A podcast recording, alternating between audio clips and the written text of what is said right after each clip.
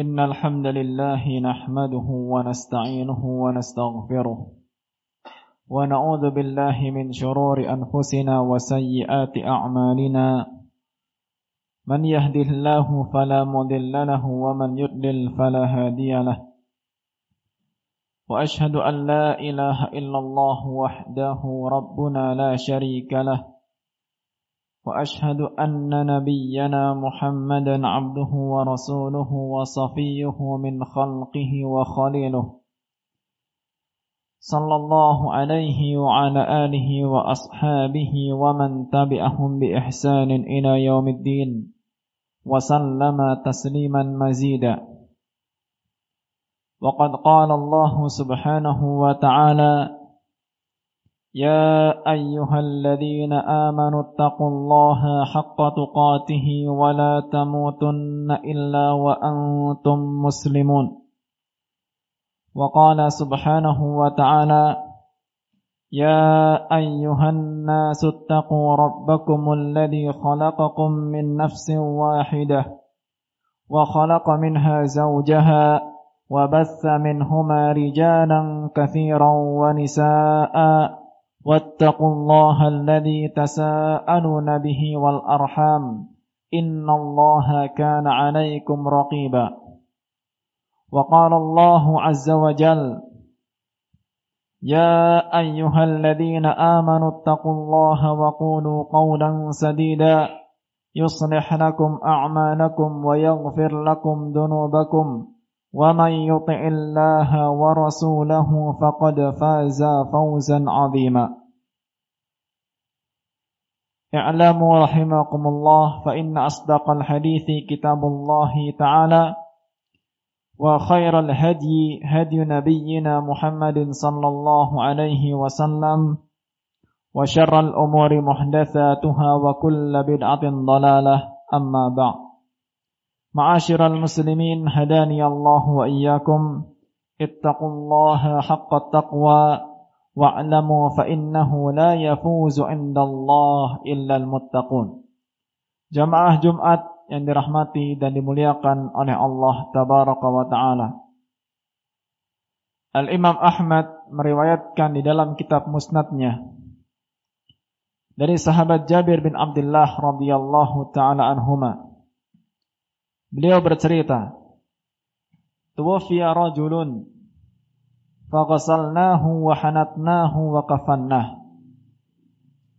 Ada seseorang yang meninggal dunia, maka kami mandikan, kami beri wewangian dan kami kafani.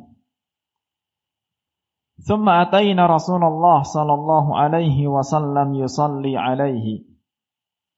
Kemudian kami bawa kepada Nabi alaihi salatu wasalam untuk beliau solati. Qulna tusalli alaihi. Kami katakan, kiranya engkau berkenan untuk mensolati jenazah ini. Fakhata khutwatan thumma qala a'alaihi dain. Maka beberapa langkah Nabi sallallahu alaihi wasallam berjalan kemudian beliau bertanya, Apakah orang ini, jenazah ini punya hutang? Kulna dinaran. Dia punya hutang dua dinar. Fansaraf. Maka Nabi alaihi salatu wasalam beranjak. Maksudnya tidak jadi untuk mensolati jenazah tersebut. Fatahammalaha Abu Qatadah. Maka salah seorang sahabat yang bernama Abu Qatadah siap untuk menanggung hutang tersebut. Fa'atainahu wa qala ad-dinaran alai. Kami datangi Abu Qatadah dan dia mengatakan saya tanggung yang dua dinar itu. Kemudian Nabi alaihi salatu wasallam menegaskan qad awfallahu haqqal gharim wa bari'a minhul mayyit Apakah saat ini orang yang menghutangi sudah mendapatkan gantinya, sudah mendapatkan jaminannya, yang berarti sang mayit ini sudah bebas? Qala na'am. Abu Qatadah menegaskan iya. Saya yang tanggung. Maka Nabi alaihi salatu wasalam akhirnya mensolati jenazah tersebut. Kemudian satu hari setelahnya Rasulullah sallallahu alaihi wasallam mendatangi Abu Qatadah dan menanyakan, "Ma fa'alat dinaran?" Bagaimana dengan yang dua dinar? Abu Qatadah mengatakan, "Inna ma mata ams." Matinya baru kemarin ya Rasulullah. Dengan maksud sekarang saya belum lunasi. Toh baru kemarin meninggalnya. Keesokan harinya Nabi kembali mendatangi Abu Qatadah dan menanyakan hal yang sama. Maka Abu Qatadah mengatakan, "Qad qadaituhuma." Saya sudah lunasi yang dua dinar itu. Maka Nabi alaihi salatu wasallam bersabda, "Al-an barudat alaihi jildatuhu." Sekarang baru kulitnya terasa dingin olehnya kulit sang jenazah yang sudah dimakamkan baru terasa dingin oleh sang mayit setelah hutang itu benar-benar dilunasi. Jamaah Jumat yang dirahmati oleh Allah Tabaraka wa Ta'ala.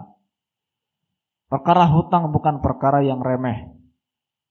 Allah Subhanahu wa Ta'ala jadikan ayat terpanjang di dalam Al-Quran adalah ayat tentang hutang dalam ayat 282 surat Al-Baqarah dan masih dilanjutkan dengan ayat 283. Yang maknanya perkara ini bukanlah perkara yang bisa kita anggap enteng.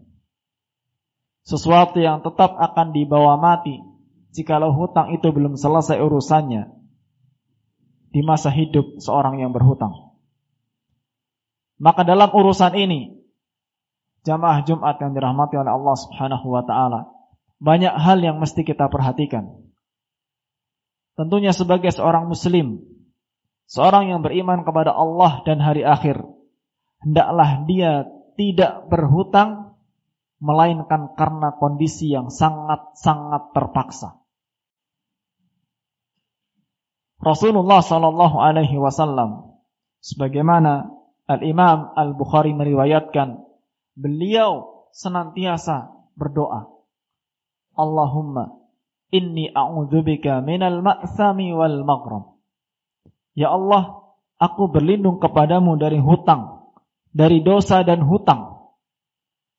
Maka seorang bertanya kepada Rasulullah, "Ya Rasulullah, ma aktsara ma tasta'idzu minal maghram?" Sekian banyak engkau berdoa minta perlindungan kepada Allah Subhanahu wa taala dari yang namanya hutang. Maka beliau menegaskan innar rajula sesungguhnya seseorang idza gharima haddatsa faqadzab. Dia kalau berhutang ucapannya lama-lama berdusta. Wa wa'ada fa akhlaf. Dan dia berjanji kemudian dia ingkari sendiri janjinya. Bagaimana fenomena ketika seorang untuk mendapatkan uang, untuk mendapatkan pinjaman, dia harus menceritakan sesuatu yang tidak hakiki, yang tidak nyata terjadi. Yang mungkin dirinya, keluarganya sehat-sehat saja, namun kemudian dia katakan keluarga saya sedang tertimpa musibah. Mungkin sebetulnya dia hanya membutuhkan sesuatu yang sedikit, akan tapi untuk mendapatkan pinjaman yang banyak, dia harus melebih-lebihkan cerita. Kemudian berjanji saya akan lunasi bulan depan, ternyata bulan depan tidak ada uang. Dia katakan mungkin dua bulan lagi, ternyata dua bulan lagi pun belum ada yang digunakan untuk melunasi. Atau mungkin sengaja untuk menundanya. Inilah yang dikhawatirkan oleh Nabi Shallallahu Alaihi Wasallam. Bukan berarti bahwa hutang itu haram. Muamalah hutang piutang adalah muamalah yang halal. Namun demikianlah Nabi alaihi salatu wasallam berlindung kepada Allah agar tidak menjadi orang yang mudah berhutang. Kemudian jamaah Jumat yang dirahmati oleh Allah Subhanahu wa taala. Yang penting untuk kita perhatikan, kalaulah dalam suatu kondisi kita sangat terpaksa untuk berhutang, maka jangan lupa niatkan sejak awal bahwa hutang itu akan kita kembalikan. Berazam, bertekad bahwa hutang uang yang kita pinjam suatu saat nanti akan kita kembalikan secepatnya. Secepatnya. Karena Nabi alaihi salatu wasalam memperingatkan sebagaimana dalam hadis riwayat Imam Al-Bukhari. Man akhadha amwalan nas. Orang yang mengambil harta manusia. Yuridu aha. Dia ingin sudah berniat akan mengembalikannya addallahu anhu. Maka Allah Subhanahu wa taala akan membantunya untuk mengembalikan hutang tersebut, mengembalikan harta tersebut. Namun sebaliknya, man akhadha yuridu itlafaha. Namun barang siapa mengambil harta manusia, berniat untuk merusaknya, tidak mengembalikannya, mendolimi orang lain dengan haknya, atlafahullah. Maka Allah subhanahu wa ta'ala pun akan merusak kehidupannya, merusak hartanya. Maka berhati-hatilah ketika seorang harus berhutang. Perhatikan bagaimana niatnya. Apakah dia memang sudah bertekad untuk mengembalikannya yang dengan niat itu Allah Subhanahu wa taala mudahkan pelunasannya atau mungkin memang dalam hatinya sudah berniat mudah-mudahan orang ini orang yang baik sehingga tidak menagih hutang saya. Maka hal yang semacam ini janganlah harap bahwa kehidupannya akan diberi kelancaran oleh Allah tabaraka wa taala. Kemudian jamaah Jumat rahimani wa rahimakumullah. Di antara hal yang banyak dilupakan oleh kaum muslimin adalah mencatat transaksi hutang. Banyak maupun sedikit. Sekian banyak transaksi muamalah hutang piutang luput dari pencatatan. Padahal itu jumlah yang tidak sedikit. Apalagi jumlah yang sangat kecil. Sekian orang melupakan saran dari Allah Subhanahu wa taala. Bahkan berupa perintah di dalam surat Al-Baqarah 282. Allah Subhanahu wa taala berfirman, "Ya ayyuhalladzina amanu, idza tadayantum bidainin ila ajalin musamma faktubuh."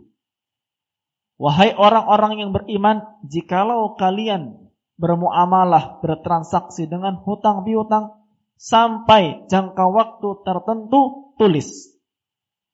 Catatlah transaksi itu, hitam di atas putih, bukti yang nyata. Dan di pertengahan ayat Allah Subhanahu wa taala perintahkan wastashhidu syahidaini mir rijalikum. Mintalah dua orang saksi dari kalangan lelaki.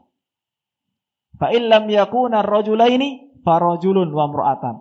Kalau kepepet terpaksa tidak ada dua laki-laki yang adil, laki-laki yang akhlaknya baik, maka setidaknya satu laki-laki dan dua orang perempuan. Namun pada hari ini, karena rasa rikuh pekewuh tidak enak hati, sehingga untuk mencatat, apalagi sampai memanggil saksi, rasa-rasanya berat. Khawatir mungkin dikira saya tidak percaya. Khawatir kalau saya berprasangka buruk dan seterusnya. Pada akhirnya perintah Allah Subhanahu wa taala pun dikesampingkan. Hal ini jamaah Jumat rahimakumullah bukan perkara yang enteng pencatatan dan saksi ini perkara yang sangat penting. Sekian banyak hutang piutang tidak terselesaikan karena tidak ada buktinya. Terlebih ketika orang yang berhutang ini sudah meninggal dunia atau mungkin orang yang meminjamkan uang sudah meninggal dunia. Maka perkara hutang ini nanti hisapnya, perhitungannya akan tetap dibawa di hadapan Allah Subhanahu wa taala.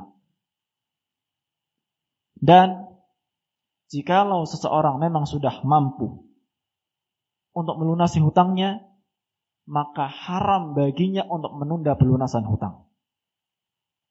Nabi alaihi salatu wasallam peringatkan sebagaimana dalam hadis yang dikeluarkan Imam Bukhari dan Muslim, matlul ghaniyyi zulmun.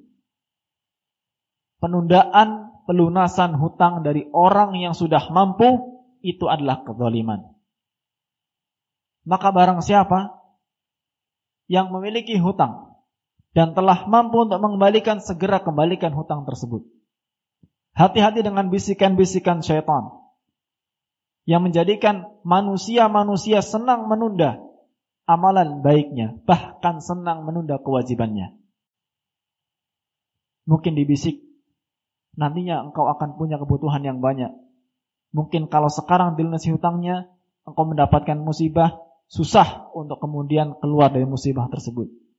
Anakmu sebentar lagi akan masuk sekolah. Sebentar lagi datang kebutuhan ini dan kebutuhan itu.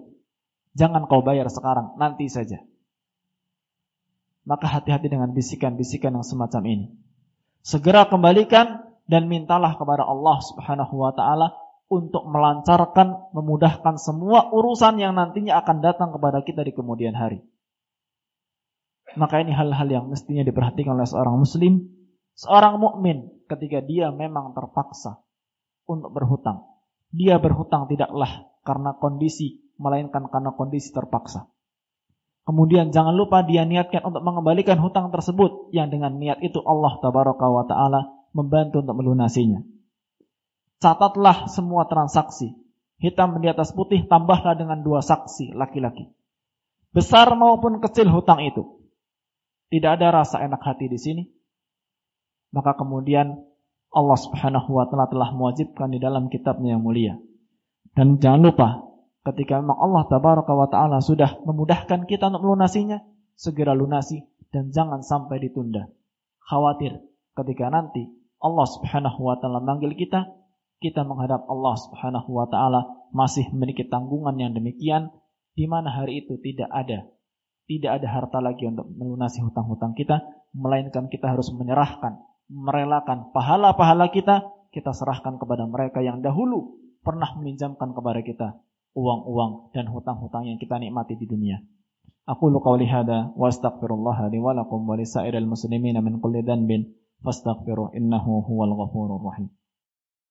Alhamdulillahi rabbil alamin hamdan katsiran tayyiban mubarakan fih kama yuhibbu rabbuna wa yarda wa ashhadu an la ilaha illallah wahdahu la syarika lah وأشهد أن نبينا محمدا عبده ورسوله صلى الله عليه وعلى آله وأصحابه ومن تبعهم بإحسان إلى يوم الدين وقال سبحانه وتعالى يا أيها الذين آمنوا اتقوا الله ولتنظر نفس ما قدمت لغد واتقوا الله إن الله خبير بما تعملون أما بعد ittaqullaha ibadallah wa'lamu fa innahu man yattaqillah yaj'al lahu makhraja wa yarzuqhu min haitsu la yahtasib.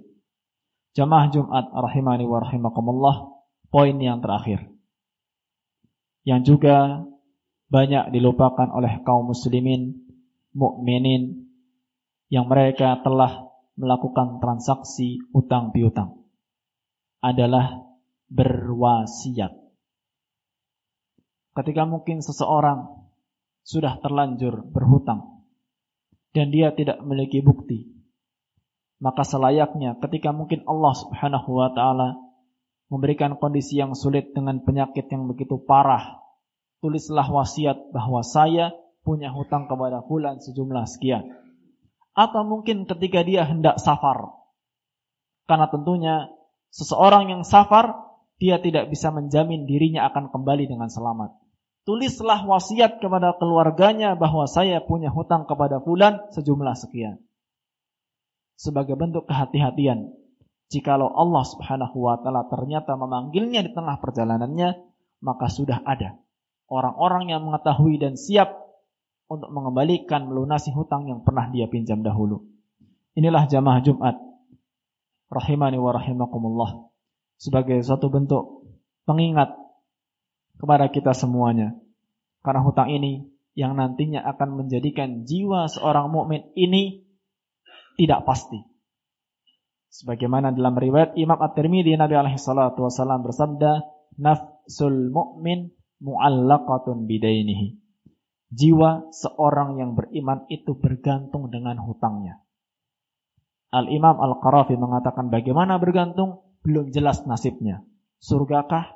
Nerakakah? Kecuali setelah nanti di hadapan Allah Subhanahu wa taala hutangnya akan dihitung apakah kebaikannya cukup untuk melunasi hutang-hutangnya atau tidak cukup.